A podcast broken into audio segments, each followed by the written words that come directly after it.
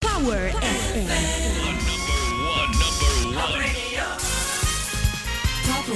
Flash në Top Albania Radio, informacionet kryesore të ditës. Pas sulmeve kibernetike të sponsorizuara nga Irani rezulton se komisariati dixhital është i vetmi aplikacion që ende nuk është funksional. Pranë tij qytetarët raportonin duke denoncuar për ndërtime të paligjshme dhe parkime të gabuara. Policia e Shtetit vendosi që Komisariati Dixhital të bllokohet përkohësisht, pasi e konsideron si të komprometuar për mënyrën si veprohet duke lejuar qytetarët të bëjnë upload materiale që mund të infektohen nga hakerat. Me pesë punonjës të administratës që akuzohen se nuk instaluan antiviruset, prokuroria po përgatitet t'i dorëzojë si të pandehur për shpërdorim detyre, ndërkaq hetimi, ku flitet edhe për sigurinë kombëtare, është jo vetëm në pritje të letërporosive, por në bashkëpunim ka përfshirë edhe SPAK-un, siç bëjnë të ditur burime për Top Channel. Ministrja e Infrastrukturës Belinda Balluku dhe kryebashkiaku i Tiranës Erion Veliaj inspektuan ecurinë e punimeve në lotin e pesë të Unazës së Madhe. Balluku e veçoi si një nga më të rëndësishmet. Kjo pjesë e Unazës, e cila do të lidhet me të gjitha pjesët e tjera të përfunduara tashmë, për të mbyllur Unazën e Madhe të Tiranës njëzet e tetë pikë tetë kilometra, të cilat i ofrojnë shërbim infrastrukturor jo vetëm kryeqytetit, por edhe të gjitha autostradave të cilat janë të lidhura në të, si autostrada e cila shkon në verilindje, pra ajo e rrugës së Arbrit, si autostradat që shkojnë drejt jugut apo ajo që shkon në juglindje, siç është rasti i autostradës së Elbasanit, apo edhe autostrada e Durrësit, të gjitha lidhen në këtë arterie kaq të rëndësishme që është Unaza e Madhe e Tiranës. Për segmentin me rëndësi jetike që lidh të gjithë zonat e Dajtit dhe Freskut, Veliaj bëri të ditur se menjëherë Bashkia e Tiranës do fillojë lëvërimin e bonusit të qerasë për tridhjetë e tetë banesat që pritet të shemben për të vijuar ndërtimi i lotit të pesë të Unazës së Madhe. Ne sa kaluam në Këshill Bashkiak, po flisnim me drejtorin, tridhjetë e tetë banesa të reja, pra kanë nënshkruar kontratën dhe ne mbledhim Këshillin Bashkiak menjëherë për t'u kaluar bonusin që mos kemi asnjë vonesë. Në momentin që zbardhet menjëherë nga prefektura, të tridhjetë e tetë familjet që kanë nënshkruar kontratën lirojnë shpitë dhe ne vazhdojmë pastaj me. hapjen e kantierit, por sidomos Bela ky segment ka një rëndësi jetike sepse lidh gjithë zonën e Dajtit dhe të Freskut, pra ka një shkarkim. Ne jemi të ndërgjegjshëm, ne e gjetëm Freskun të zhvilluar, gjetëm Astirin të zhvilluar, po siç Astiri është liruar prej atij segmenti, zona e Freskut nuk ka më nevojë të vijë në Kinostudio e të vijë direkt në qendër të Tiranës, praktikisht merr korsinë ose majtas ose djathtas dhe ndërkohë jemi duke bashkëpunuar sepse na puqen, ne po ecim paralelisht tek zona e Ministrisë së Kulturës dhe Akademisë Marubi për gjithë Kino Studio. Një zjarr ra në mëngjes në mjediset e Spitalit të Shkodrës fatmirësisht pa të lënduar. Flakët shkrumbuan një dhomë në katin e katërt në repartin e kirurgjisë. Ndërhyrja në kohë e zjarrfikësve shmangu përhapjen e tyre. Zjarri ishte aksidental. Zgjedhjet Vendore dy mijë e njëzet e tre, Shqipëria voton!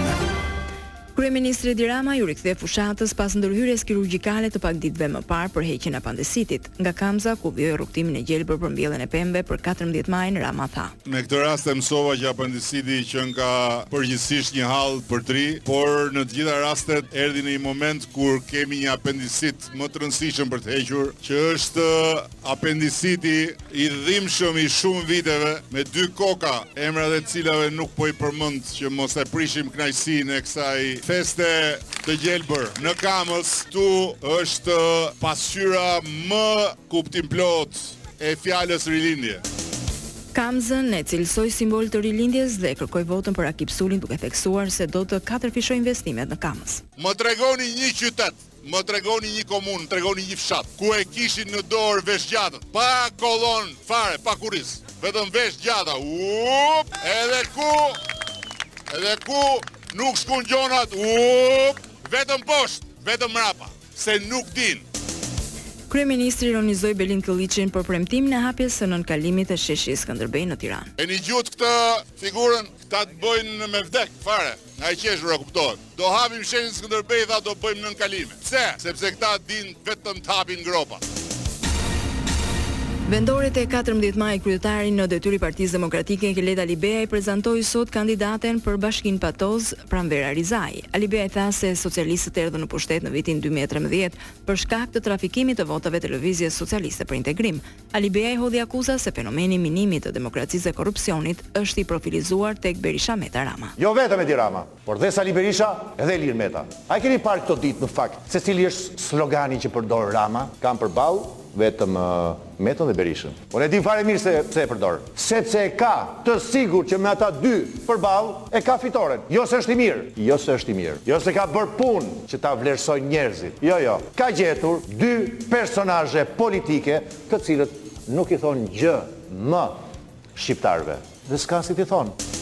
Alibeaj shtoi. Në dy mijë e trembëdhjetën, A nuk ishin shqiptarët të cilët nga qeverisja rrëzuan ish kryeministrin dhe ish liderin tonë në atë kohë, apo jo? Me një milion vota. Po si ka mundësi? Dhjetë vite më parë, pas tetë vitesh qeverisje, shqiptarët vendosin të të mos të kenë më në qeverisje dhe dhjetë vite më vonë të mund të t'u vish e t'u shitesh shqiptarëve si një ofertë e re? O më falni po kjo është një fyerje e inteligjencës për këdo Po si ka mundësi? Ndërsa, më katërmbëdhjetë maj kandidatët e tij garojnë si pjesë e koalicionit Bashkë Fitojmë, Sali Berisha tha se ndryshimi është jetik.